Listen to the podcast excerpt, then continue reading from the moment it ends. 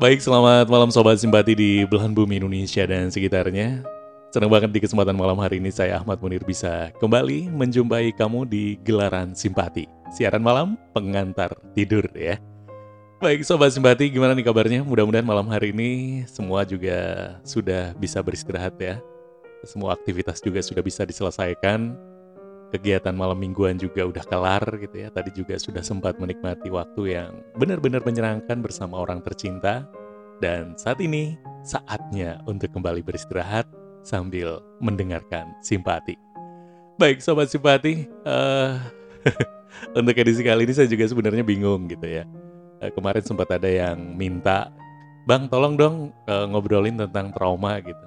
Nah, satu sisi uh, saya juga ngerasa, waduh trauma, gimana ya gitu. Karena saya juga bukan ahlinya. Uh, tapi oke okay lah, uh, saya coba mengingat-ingat kembali gitu ya. Pernah nggak saya ngalami trauma? Karena mengalami peristiwa traumatis ya bisa terjadi pada siapa pun gitu ya Eh, baik itu ringan maupun berat. Ternyata setelah saya ingat-ingat ada kejadian yang sebenarnya kalau saya mau jujur saya juga mengalami trauma gitu dan mungkin di kesempatan kali ini saya hanya sebatas sharing terkait apa yang uh, saya lakukan ya waktu itu untuk bisa mengatasi trauma yang saya alami gitu. Ya sobat simpati dulu saya sekitar tahun berapa ya? Gak usah disebutin tahunnya ya. Yang jelas waktu masih kuliah dulu gitu uh, sempat mengalami kecelakaan ya. Kecelakaan sepeda motor sih sebenarnya. uh, kemudian setelah melewati masa recovery dan sudah sembuh gitu ya. Ternyata uh, saya tidak berani untuk kembali berkendara menggunakan sepeda motor gitu. Nah, perasaan trauma ini juga cukup lama gitu ya saya tidak bisa mengkondisikan mental saya gitu. Tapi pada akhirnya saya juga sampai di satu titik di mana saya menyadari bahwa uh, saya butuh berpindah dari satu tempat ke tempat yang lain yang jaraknya lumayan jauh dan itu hanya bisa kita lakukan ketika kita berkendara. Nah, kalau kita berhenti dan tidak berani untuk melakukan aktivitas berkendara, maka di, bisa dipastikan mobilitas kita bakal terganggu ya dan ini pada akhirnya juga akan mempengaruhi uh, produktivitas kita. Nah, berangkat dari kesadaran semacam ini, Sobat Sembati, kemudian uh, saya mencoba untuk uh, menaklukkan, ya, untuk mengatasi rasa trauma saya dengan melakukan satu hal yang saya rasa ini tepat gitu ya untuk kita coba. Saya memutuskan untuk menghadapi ketakutan yang saya rasakan gitu. Jadi waktu itu kan saya takutnya untuk berkendara ya saya coba untuk berkendara. yang menjadi tujuan awal sih sebenarnya bukan jauh dekatnya jarak saya berkendara gitu ya, tapi kemauan dan keberanian saya untuk kembali mencoba berkendara, uh, kembali mengendarai sepeda motor lah, yang yang lebih spesifiknya kan itu. Tapi ingat sobat sembati untuk melakukan ini pastikan kita juga sudah uh, benar-benar kuat ya secara mental, artinya kita sudah uh, ya ada waktu yang cukup lah untuk recovery mental kita gitu ya dari pasca kejadian kecelakaannya gitu. Nah kemudian uh, di step awal kita sudah menaklukkan rasa takut, uh, jadi untuk berikutnya kan akan lebih mudah kita untuk bisa berdamai dengan uh, perasaan takut kita gitu ya. Ketika rasa takut sudah bisa kita taklukkan, maka kita akan lebih mudah untuk mencoba terus di kesempatan berikutnya. Yang pada akhirnya dari percobaan-percobaan itu kita benar-benar bisa menghilangkan uh, perasaan traumatik itu. Dan satu hal juga sih menurut saya yang yang cukup membantu adalah kemauan kita untuk kembali melakukan rutinitas sehari-hari.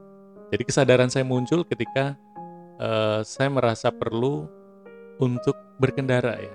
Nah perasaan perlu berkendara itu karena dipicu saya melakukan uh, rutinitas harian saya gitu. Seandainya waktu itu saya memutuskan untuk tidak melakukan apa-apa, saya stay di rumah, saya diem di kamar gitu ya, mungkin tidak akan muncul keinginan untuk kembali berkendara. Nah, ini juga bisa dicoba gitu ya untuk hal lain. Jadi misalnya kalau kita trauma yang sifatnya karena mungkin kesedihan eh, atau mungkin musibah gitu ya yang yang membuat mental kita benar-benar down, itu bisa kita coba juga sih ya. Eh, kita tetap membaur ya dengan kehidupan sosial kita sehingga kemudian kita tidak mengurung diri. Tapi memang perlu kita kasih kesempatan dulu bagi diri kita untuk ya kalau memang perlu bersedih bersedihlah dulu nggak masalah gitu ya. Jadi kita menangislah se sepuasnya karena tangisan itu juga akan bisa meluruhkan perasaan emosional kita jika memang dirasa sudah cukup ya meluapkan perasaan-perasaan kecewanya, perasaan-perasaan sedihnya. Kita harus kembali bangkit, kita berbaur ya dengan lingkungan kita, kita sibukkan diri kita dengan kegiatan kita sehari-hari. Jadi jangan pernah menarik diri dari pergaulan. Itu menurut saya penting banget untuk bisa mengatasi rasa trauma gitu ya. Karena sejatinya menurut saya nih sobat sebati ya, kita memerlukan support system dan support system itu paling bisa kita dapatkan adalah dari lingkungan kita, dari keluarga kita atau dari teman-teman kita.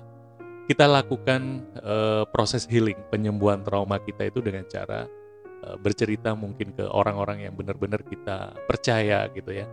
Walaupun dia tidak bisa memberikan solusi terhadap permasalahan kita, setidaknya kita sudah bisa melepaskan beban pikiran kita yang harus diakui itu adalah satu hal yang benar-benar bisa melonggarkan pikiran kita dan bisa meringankan gitu ya. Dan kalau boleh saya tambahkan juga sih, eh, kita juga bisa melakukan aktivitas-aktivitas yang menyenangkan gitu ya untuk bisa melupakan kejadian traumatik itu untuk bisa menghapus ingatan akan kenangan yang membuat kita tidak bisa move on gitu ya ya bisa dengan apa pun yang sobat simpati sukai gitu. mulai dari berolahraga mungkin menulis gitu ya atau mungkin juga melakukan traveling dan dan pokoknya yang yang benar-benar bisa mengalihkan perhatian sobat sebati dari kejadian atau peristiwa yang membuat traumatik. Tapi eh, sobat sebati juga harus sadar bahwa terapi-terapi semacam ini itu hanya untuk trauma yang sifatnya masih ringan gitu. Tapi kalau misalnya eh, sobat simpati mengalami perasaan trauma yang terus-menerus ya, yang bikin stres dan bahkan benar-benar bikin depresi, ya tingkatannya berat lah. Kalau menurut saya sih itu tetap harus ke ahlinya. Jadi sobat simpati harus bisa melakukan psikoterapi ke psikolog atau psikiater gitu ya sehingga bisa diberikan opsi-opsi yang benar-benar sesuai dengan kondisi yang sobat simpati hadapi. Ya, sobat simpati setiap orang memiliki waktu dan prosesnya masing-masing pastinya ya. Karena trauma yang dialaminya pun itu pasti juga berbeda gitu ya tingkatannya. Jadi jangan memaksakan diri untuk segera melalui masa-masa penyembuhan ini. Ya, memang tidak mudah ya sobat simpati untuk bisa menghilangkan trauma. Tetapi bukan berarti mustahil kan ya untuk kita coba melakukannya, untuk menghilangkannya. Baik dengan cara kita sendiri maupun dengan bantuan orang terdekat kita atau bahkan bantuan ahli seperti psikiater maupun juga psikolog gitu ya.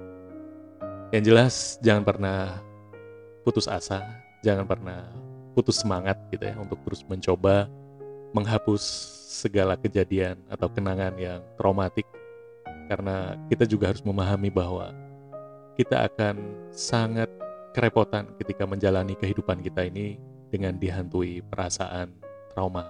Mungkin itu aja sharing kita malam hari ini terkait trauma karena saya juga bukan ahlinya. Ini juga murni hanya berdasarkan apa yang sudah pernah saya lakukan gitu ya.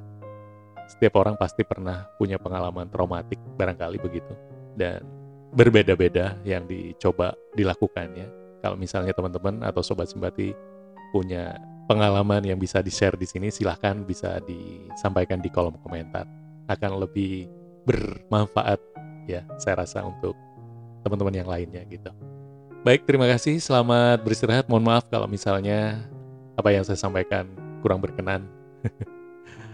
Jangan lupa, seperti biasa saya juga berharap Sobat Sembati tetap mendukung terus channel ini. Bantu subscribe, like, dan komen.